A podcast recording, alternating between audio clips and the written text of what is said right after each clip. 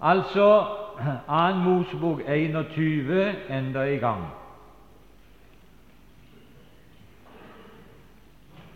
Dette er de lover som du skal legge frem for dem. Når du kjøper en hebraisk trell, skal han tjene i seks år, men i det syvende skal han gis fri uten vederlag. Dersom han kommer enslig, da skal han gå enslig bort. Dersom han er gift mann, da skal hans hustru gå bort med ham. Dersom Hans Herre gir ham en hustru, og hun føder ham sønner eller døtre, da skal hustruen og barna høre Hennes Herre til, og han skal gå enslig bort.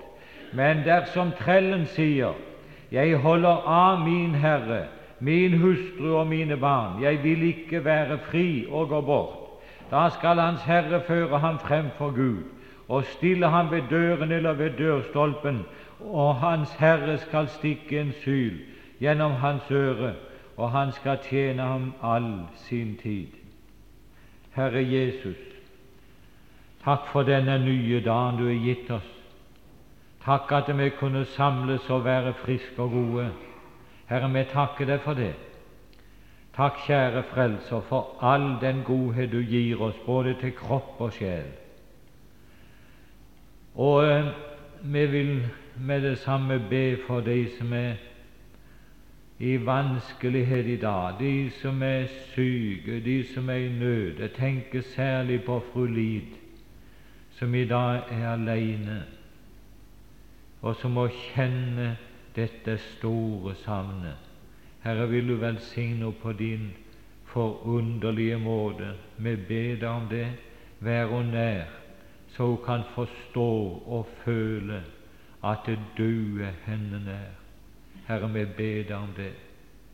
Så han befaler med denne timen i dine hender og ber at du må møte de som trenger et møte med deg. I Jesu navn. Amen.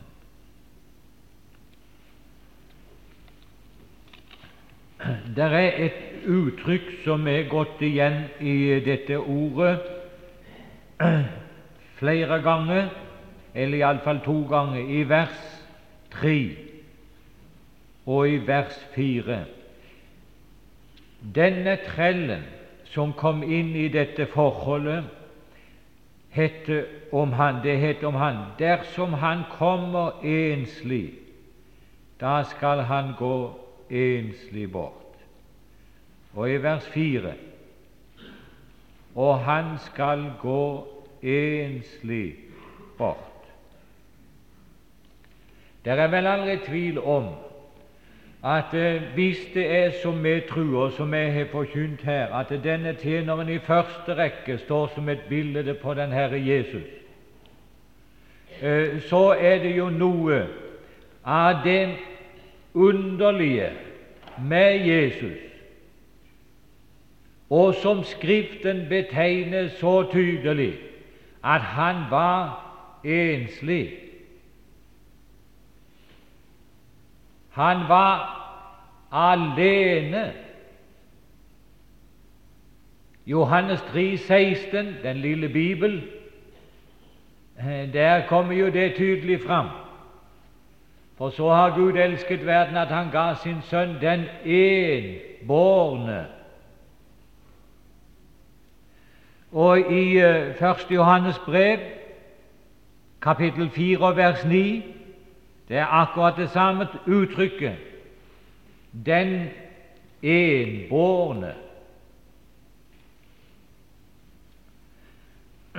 Når vi var sammen på Valderøya for et par år siden, så, uh, så kom jeg til å nevne noe om det. Men det er jo mange her som ikke var der, og jeg skal ikke gjenta alt, selvfølgelig. Skal bare peke på eh, denne sannheten, eller det som for min del iallfall er en forunderlig sannhet. Vi vet, vi vet, vel det at, at Jesus i evigheten, før verden var skapt, så var han en kunstner for Guds åsyn, som ordspråket åtte taler. Han lekte alltid for hans åsyn. Men det underlige er at eh, Jesus han var alene sønn i evigheten, som er gått foran for hans mennesketilblivelse.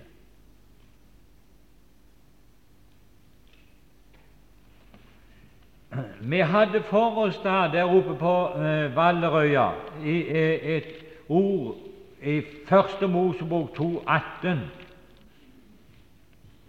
Det kaster litt lys over dette forholdet her, som jeg bare vil lese og peke bitte grann på. Det er når Gud har skapt Adam, så heter det der i vers 18 om denne som han hadde skapt, og blåst livets ånde inn i hans nese. Og Gud Herren sa, det er ikke godt at mennesket er alene. Jeg vil gjøre ham en medhjelp som er hans like. Her tror jeg at Gud antyder nettopp denne sannhet, denne forunderlige sannhet, som vi aldri, her i livet iallfall, vil komme til bunns i. Aldri. Men som er en kilde til stadig velsignelse hvis vi oppholder oss i disse sannheter. Det er det aldri tvil om. Hvis du leser Romerne 5,14 Du kan bare notere den ned i full fart. Eller, så jeg skal bare sitere det at Adam han er et forbilde på han som skulle komme, står det der. Hvem var det som skulle komme? Selvfølgelig Jesus. Det er jo han dere har talt om. Altså, Adam var et forbilde på han som skulle komme. Og hør nå Og med Adam som forbilde på, som, på han som skulle komme, så blir dette ordet her et forunderlig ord.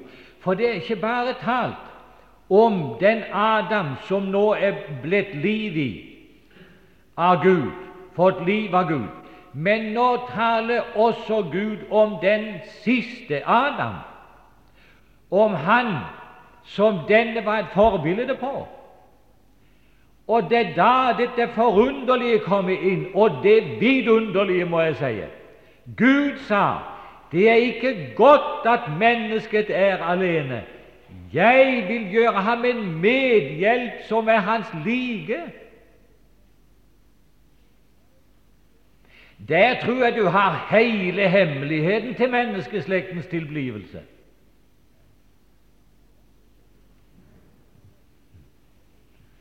Så underlig det en høres, så var Jesus i evigheten alene.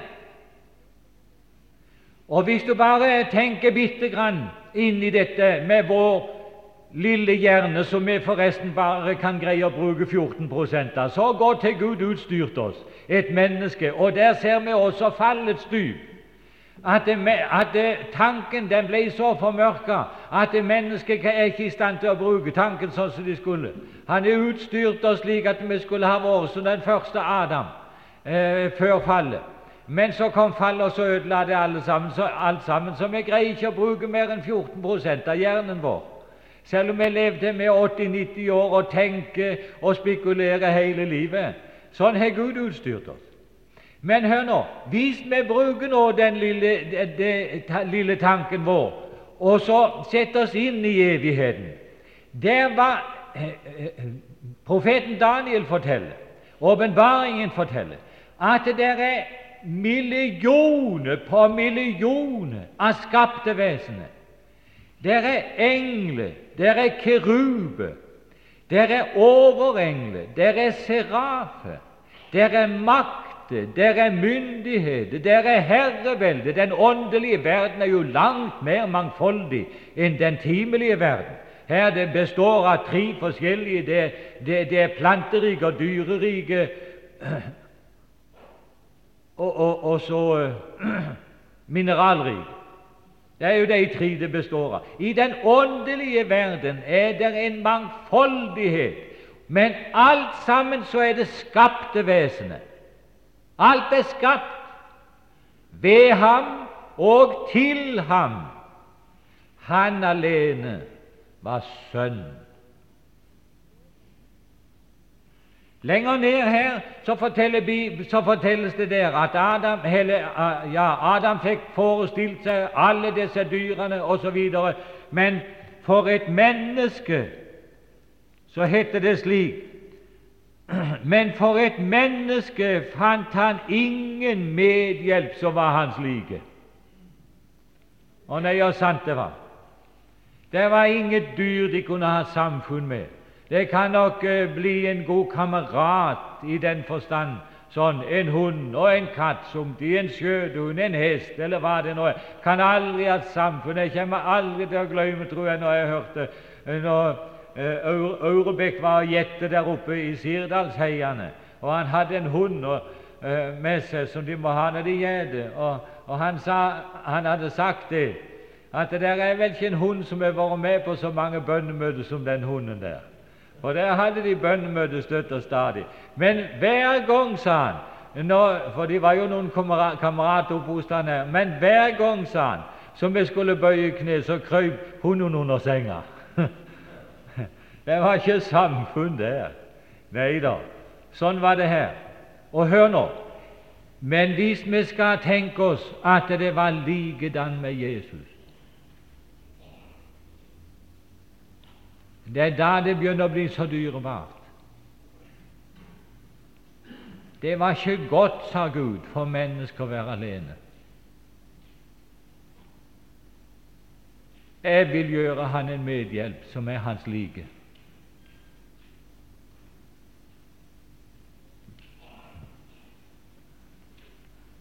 Nei, Jesus han kunne aldri ha fullt ut samfunn med englene, for han hadde sjøl skapt dem. Det var skapte vesener. Det var ingen som kunne forstå Jesus fullt ut. Hører du det jeg sier?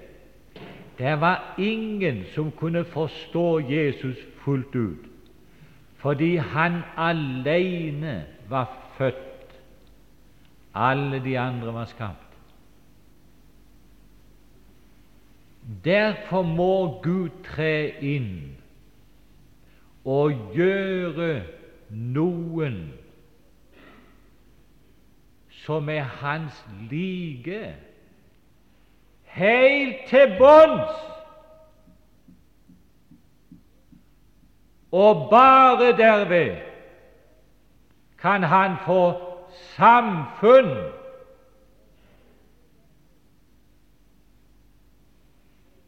Og det er det som jeg tror dette avskygger, kan vi si ganske svakt.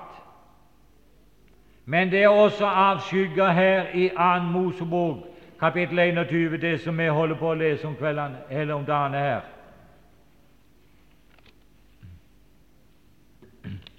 Han måtte ha noen å ha samfunn med. Men la oss bare, før vi gjenger videre eh, når det gjelder det Se litt bitte grann på at Jesus han kom inn også i trelleforholdet her i denne verden som menneske alene. Det er vel en overskrift du kan sette over hele Jesu liv. Alene. Alene i evigheten som sønn. Han kom til denne verden alene. Han eh, blei et menneske, og som menneske blei han alene.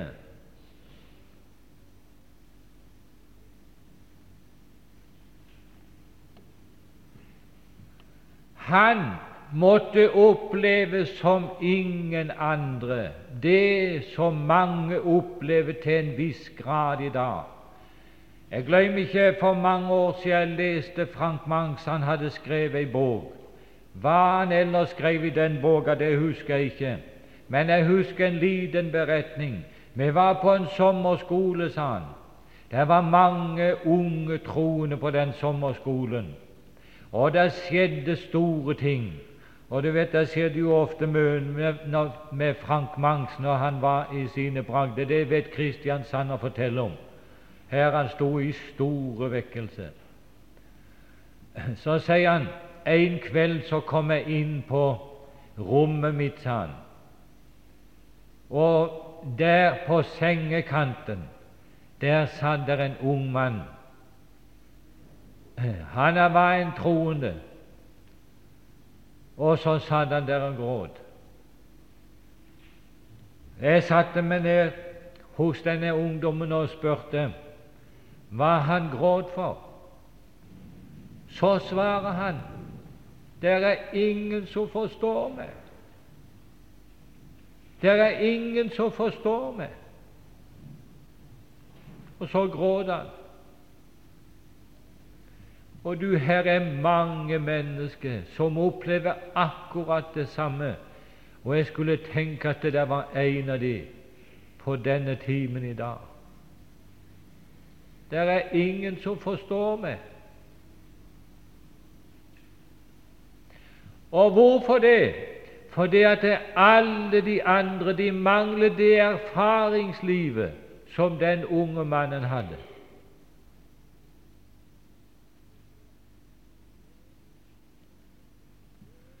Og det er tilfellet med mange, mange predikanter, mange ledere.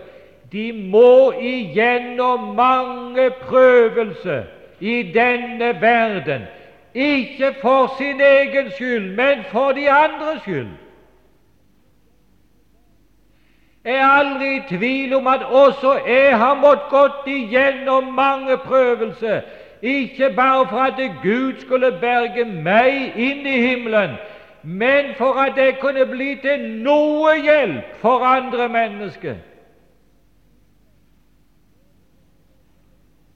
Felles erfaring, og det var akkurat det Paulus sa.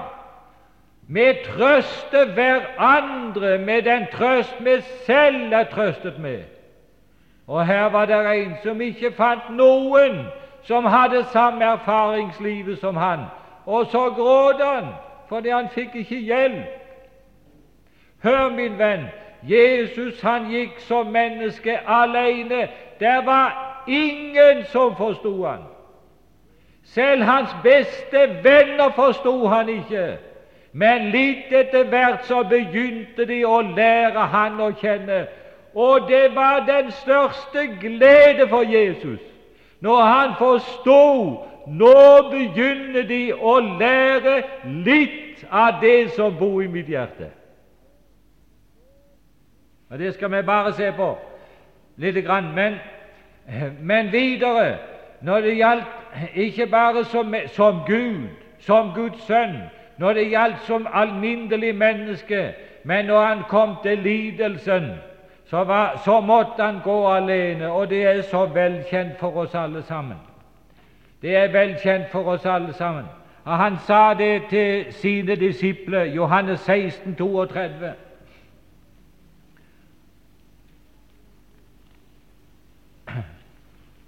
Da sa han at de skulle forlate han alle sammen. Alle hans beste venner, alle sammen skulle forlate han. Og likeså i Matteus 26, 31. Han måtte gå alene, alene inn i lidelsen. Og hør nå, mine venner, det er vel det som er selve lidelsens lidelse, det er at du er alene. Å, for en trøst når noen kan lide sammen med deg, ikke sant? Når noen kan lide sammen med deg. Og hvilken trøst! Men han måtte lide alene. Og til slutt så ble han alene, helt alene. Og det er det ingen av oss som kan forstå. Det ser jo nesten ut som at dette var noe Jesus aldri hadde regnet med. Og eh, det var det når han ropte på, på korset Min Gud, min Gud, hvorfor har du forlatt meg? Det var omtrent som at det var noe han aldri hadde regnet med. Dere, sa han litt tidligere, skal alle sammen forlate meg, men min far er med meg. Men når han henger på korset, da råper han dette underlige Hvorfor har du forlatt meg? Hør, min venn, det er helvete. Det er helvete.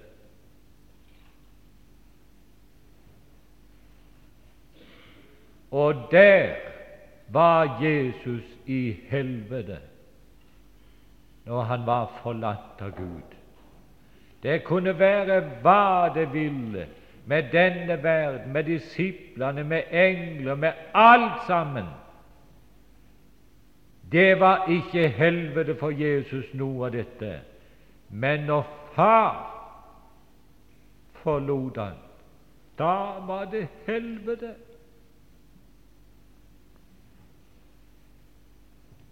Alene. Jeg leste, og jeg vet ikke hvilken bok, jeg har glemt alt det der, men det var noe som gjorde et veldig inntrykk på meg. Og jeg tror det er så sant. Det var en som skrev om fortapelsen. Og det er sant.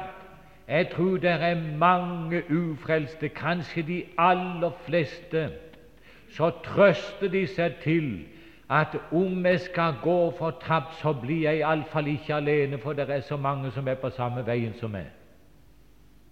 Jeg tror det er mange ufrelste som trøster seg til det. Der skriver denne forfatteren det mest grusomme i helvete er at et menneske blir alene.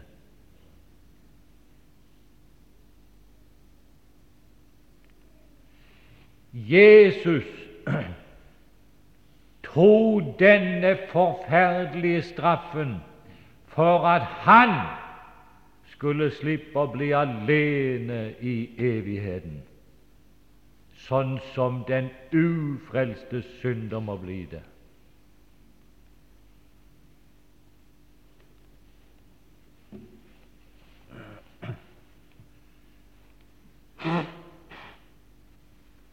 Og så til, og så til et, noe som er ganske naturlig kommer inn, selv om ikke det er eh, tydelig beskreven, så er det at denne trellen han måtte velge hva han ville gjøre. Om han ville gå fri, så ble han alene. Her sto det her så uttrykkelig, vers 3 Dersom han kommer enslig, da skal han gå enslig bort. Altså når han er ferdig med trelleforholdet. Da skal han gå enslig bort. Dersom han er gift mann, da skal hans hustru gå bort med ham. Og vi vet at han kom enslig. Dersom Hans Herre gir ham en hustru, altså mens han var i trelleforholdet, og hun føder ham sønner eller døtre, da skal hustruen og barna høre hennes herre til, og han skal gå enslig bort. Men så kommer det Men dersom trellen sier jeg holder av min herre, min hustru og mine barn, jeg vil ikke være fri og gå bort.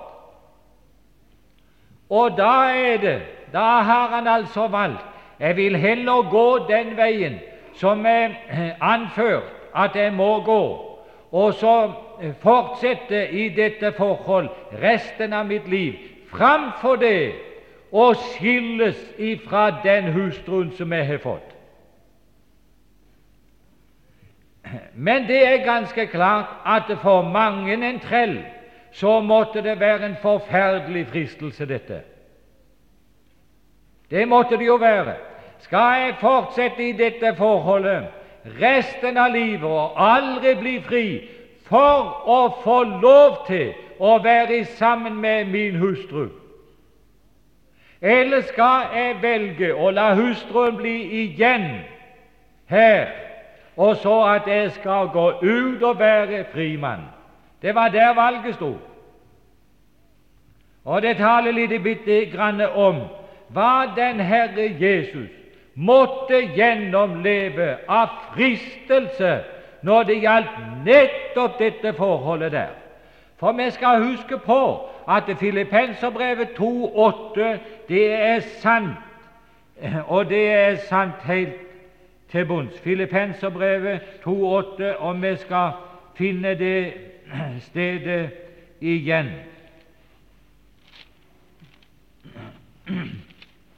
Vi har lest det en gang før, men vi skal lese det igjen. Og da han i sin ferd var funnet som et menneske Det var det Jesus var. Nå var Jesus ferdig med trelleforholdet, som vi har talt om tidligere her, og ikke skal gjenta. Nå var han ferdig med trelleforholdet, det vil si, nå er han eh, ferdig med dette og leve som det mennesket Gud forlangte mennesket skulle være. Han var fullkommen i all sin ferd, helt igjennom ren og rettferdig. Og Gud måtte avtvinge både himmelen Ja, han behøvde ikke avtvinge himmelen, men himmelen sa 'Dette er min sønn, den elskelige, hvem jeg har velbehag'. Men hør, men han, måtte, han avtvang helvete, Satans representant Judas, å avgi den sanne bekjennelse 'Jeg har forrådt uskyldig blod'. Og høvedsmannen og alle de som sto om han, når de så at han døde med et sådant råd, mens Jesus var i sin fulle styrke Han døde ikke av utmattelse, han døde ikke av blodtap, han døde ikke av svakhet. Hør, han ga opp sin ånd, og så døde han. Han døde og med et råp, et kraftig råp. Og da høvedsmannen hørte og så det, da sa han sannelig denne var Guds sønn.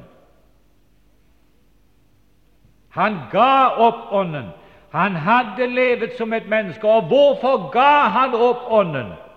Ganske enkelt fordi det er sagt i Lukas evangeliet 10, som vi også leste om her, om denne lovkyndige som sto for å friste ham, og han spurte hva han skulle gjøre for å få evig liv.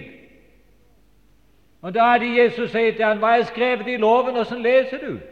Og så begynner han, så tar han fram et konsentrat av loven. Du skal elske Herren over alle ting, av all din kraft, av all din makt, av all din hu, og så skal du elske din neste som deg selv. Så sa Jesus, 'Du svarte rett. Gjør dette, så skal du leve.' så har du evig liv. Det er klart at ingen menneske kunne det på grunn av det indre fall. Før han begynte å holde loven, så var han allerede et fortapt menneske, fordi han var fortapt, fortapt på grunn av syndefallet. Men her sto en som aldri hadde som aldri var avlet av en mann, han var født av en kvinne, men aldri avlet av en mann. Han var avlet av Gud i mors liv.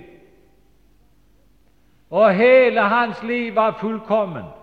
Alle hans gjerninger, hele hans vesen, all hans kjærlighet. Han elsker Gud av all sin makt, av all sin hu, av all sin sjel, og han elska sin neste som seg selv, ja, høyere enn seg selv.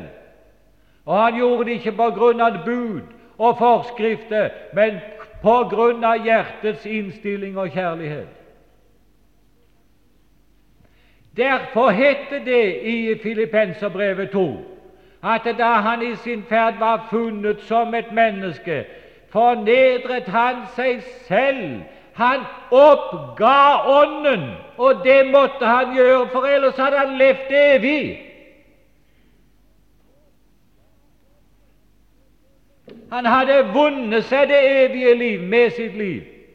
Så han ga opp den ånden. Han uttømte seg for alt det som hadde gitt han det evige liv, nemlig det fullkomne menneskelivet. Han uttømte seg for det, og det var symbolisert i den blå overkjortelen som han la igjen på Golgata før han gikk gjennom forhenget i linkledet. Så han måtte oppgi Ånden.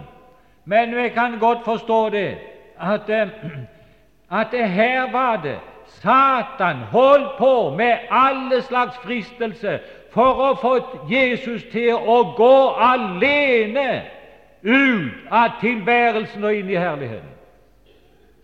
Det var det han holdt på med.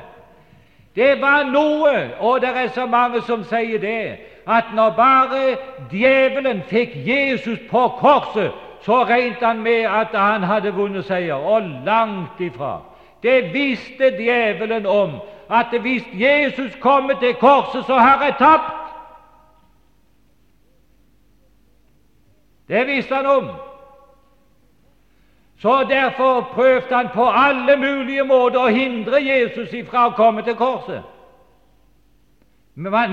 Matteus 16 forteller det, blant annet.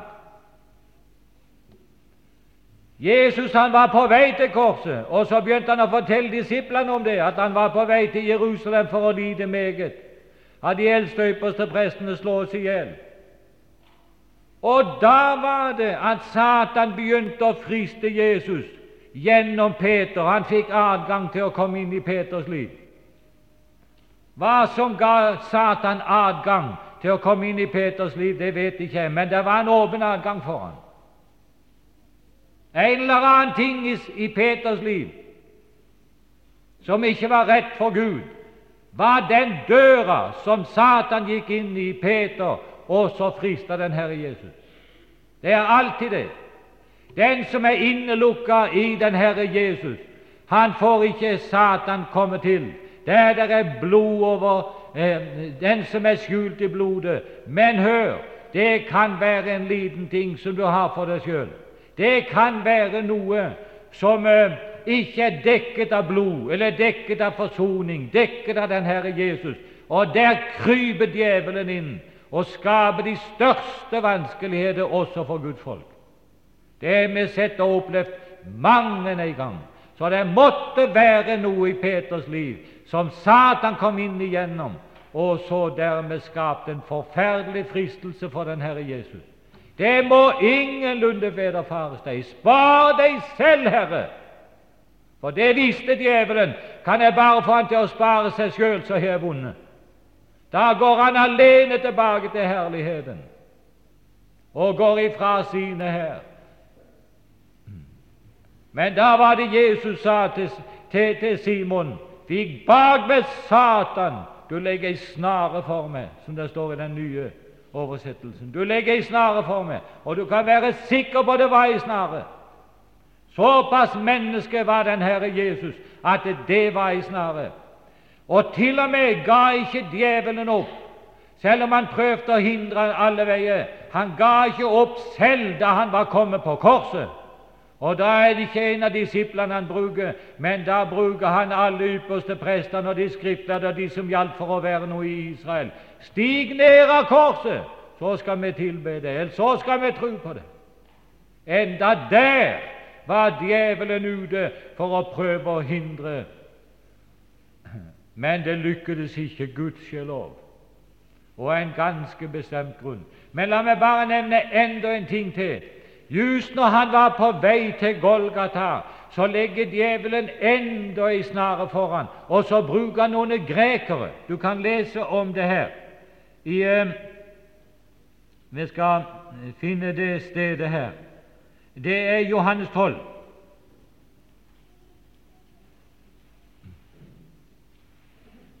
Og nå gjaldt, ikke, ikke egentlig dette å komme til korset, for det, det var jo skjedd litt grann før dette her.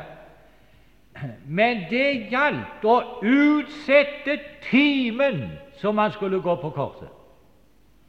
Les Johannes vi skal, vi skal finne det stedet der, og så skal, vi, eh, så skal du bare se hvordan Satan var ute på alle mulige måter, brukte alle midler for å mulig å hindre han i å gå på korset, eller hindre han i å gå der til den rette timen som Gamle testamentet og Bibelen hadde skrevet om han skulle dø, når han skulle dø.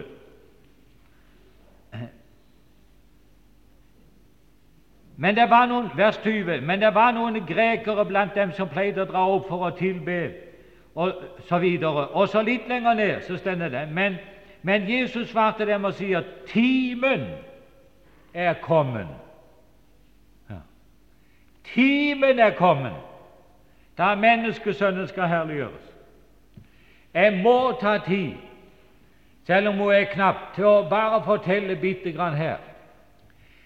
Det er noe underlig med Satans fristelse når det disse, når det gjelder lidelsen, når det gjelder prøvelsen, når det gjelder alt dette her, for at vi ikke skal fullbyrde det Gud hadde tenkt med oss. Kan Han ikke greie oss, for, greie oss på noen annen måte så forsøker han å få oss til å utsette disse forskjellige ting. Og La meg bare nevne i Vennesla var det jo mange vekkelser ifra, ja, før 1930, men omkring de årene der, og i 30-årene var jo kolossale vekkelser. Hundrevis av mennesker ble omvendt. Jeg satt og så på en mann på et møte. Han, da var jeg sjøl blitt omvendt. Og jeg arbeidet litt sammen med denne mannen. Jeg skal ikke si hvor han var ifra, men han het Tellef. Han gikk på nesten hvert eneste møte, så langt jeg kunne se, og vi var jo på alle møtene. Og Tellef var der. Hver eneste gang det var bønnemøte, så gikk Tellef ut. Ja, Det var altså omkring 1930 eller 1931. Sammen med flere andre gikk han ut.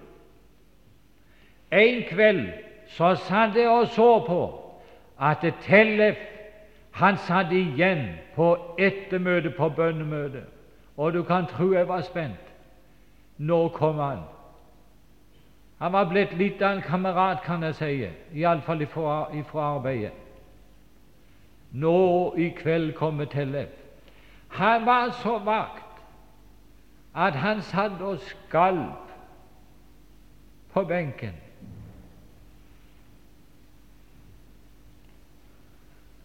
Men Tellef han ble frista av djevelen til å utsette det, om det var til neste dag han tenkte på, eller i annen anledning. Djevelen fikk fristen til å utsette valgets avgjørelse ei lita stund. Det er over 40 år siden og telle for ufrelst den dag i dag.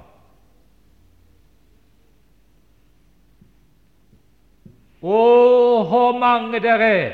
Jeg tror du finner de også på møte om kveldene her, kanskje til og med på timene, som utsetter Og du skal vite det, min venn, det er djevelens beste redskap for å få folk til helvete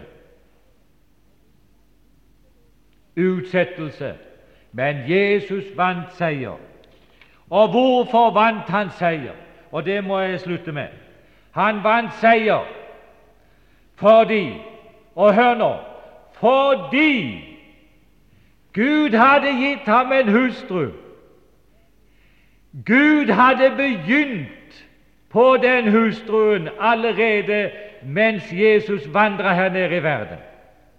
En dag så fikk han, så fikk han oppleve at Jakob og Johannes, som satt der nede hos sin far og, og, og holdt på med fiskegreiene der, så kalte han dem. Det var ingen som visste det av de andre, at det var en gave fra Faderen. Det er ikke sikkert at du har lagt med hele tenkt på det heller, men det er jo sant som Jesus sa i Johannes 6, 44. Ingen kan komme til meg uten at Faderen som har sendt meg, drager ham. Og Hvis du vil lese vers 37, så står det det. Alle de som Faderen gir meg, kommer til meg. Altså Johannes og Jakob som satt der i fiskebåten, det var en gave fra Faderen. Han hadde bearbeidet de kanskje gjennom mange år, og nå var de modne akkurat den dagen når Jesus kom forbi og så sa han 'følg med'. Så var de rede til å følge han, fordi Faderen hadde løst de fra verden før Jesus kom var de ferdige til å følge ham. Slik var det med alle de andre. Og hør nå nå var det begynt å skje som Gud hadde sagt i 1. Mosebok 2,18. Jeg vil gjøre ham en medhjelp som er hans like. Nå var denne medhjelpen, så var hans like begynt å komme. Hør nå! Nå var de kommet som Jesus hadde begynt å få samfunn med. Ja, det var Jakob, det var Johannes, det var Philip, det var Andreas, det var de andre. Han begynte å få samfunn. Hør, min venn, et samfunn som han ifra evighet aldri hadde hatt før.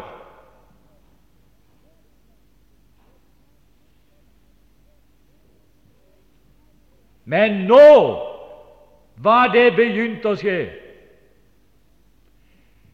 Nå begynte, å, å, å, nå begynte han å oppleve noe underfullt som han hadde sett fram til fra evigheten av, og det var samfunn med mennesker som var akkurat på samme nivå som han.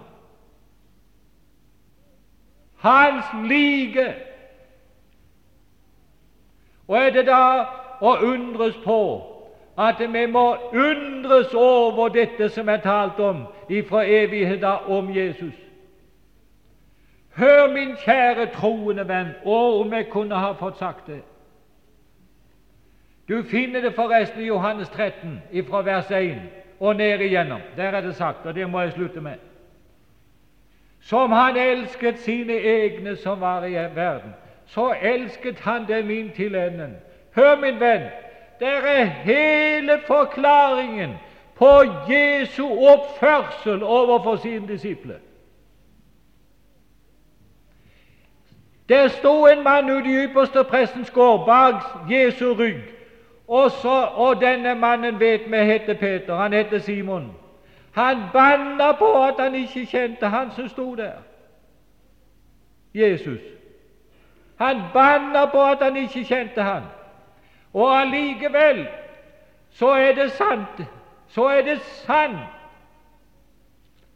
Jesus hadde samfunn med han. Jesus visste det. Han er frista av djevelen og sitt eget kjød til dette fallet. Men jeg har begynt å lære Peter å kjenne. Det er noe annet i bunnen på Peter. Å, du for en salig tanke! Hør, min venn, her er mennesker her inne i dag som gråter over sine synder. Og jeg for min del jeg har grått mange ganger over mine synder. Og jeg har regnet med at nå må Gud forkaste det, Arne. Du er ferdig, kan aldri nytte. Og hør, min venn, og Jesus visste om det. Men Jesus visste mer. Han viste at det på bunnen av hjertet der var noe som aldri kunne forlate den Herre Jesus. Og for det han var blitt min venn. Ikke bare min frelser, men han var blitt min venn. Og hør, og det er det Jesus åpenbarer på slutten av sitt liv overfor sine. Og du finner det i Johannes 15 og vers 13. Det er en av de jeg tror at det er en av de mest dyrebare sannheter for Jesus som han opplevde i denne verden. Og hva det? Jeg, har ikke lenger, jeg kaller deg ikke lenger tjener, for tjeneren vet ikke hva Hans Herre gjør. Men eder, sier han til sine disipler, har jeg kalt venner.